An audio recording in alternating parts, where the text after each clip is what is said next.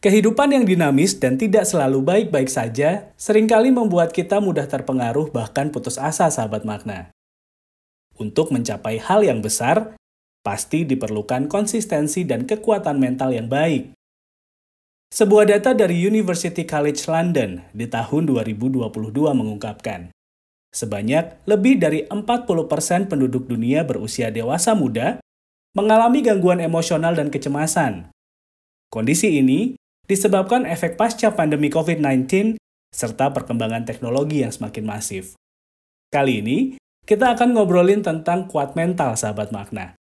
Bareng saya Fendi Rahman di Makna Kata Podcast.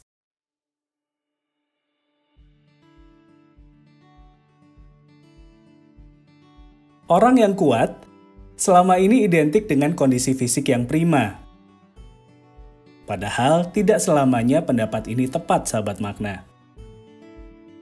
Kemampuan untuk siap menghadapi tantangan hidup dan mampu bertahan dalam tekanan juga tidak kalah penting untuk kita miliki.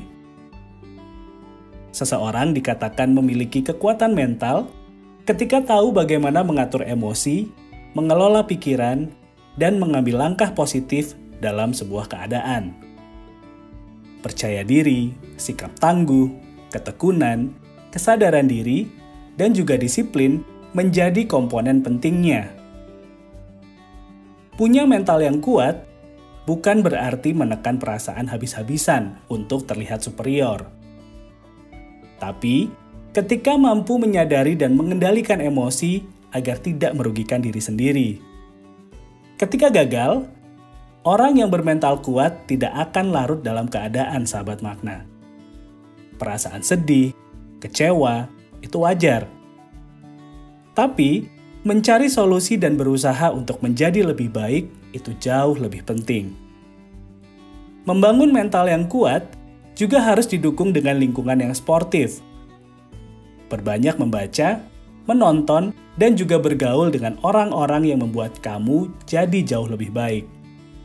Karena bisa aja, dari pengalaman hidup mereka, kita bisa belajar dan punya banyak insight baru. Kekuatan mental nggak bisa dibangun secara instan, sahabat makna. Semua perlu proses dan harus dibiasakan secara konsisten. Kalau upaya mandiri sudah dilakukan dan masih dirasa sulit, kamu bisa berkonsultasi dengan profesional untuk membiasakannya. Jadi, gimana? Sudah siap buat melatih kekuatan mental?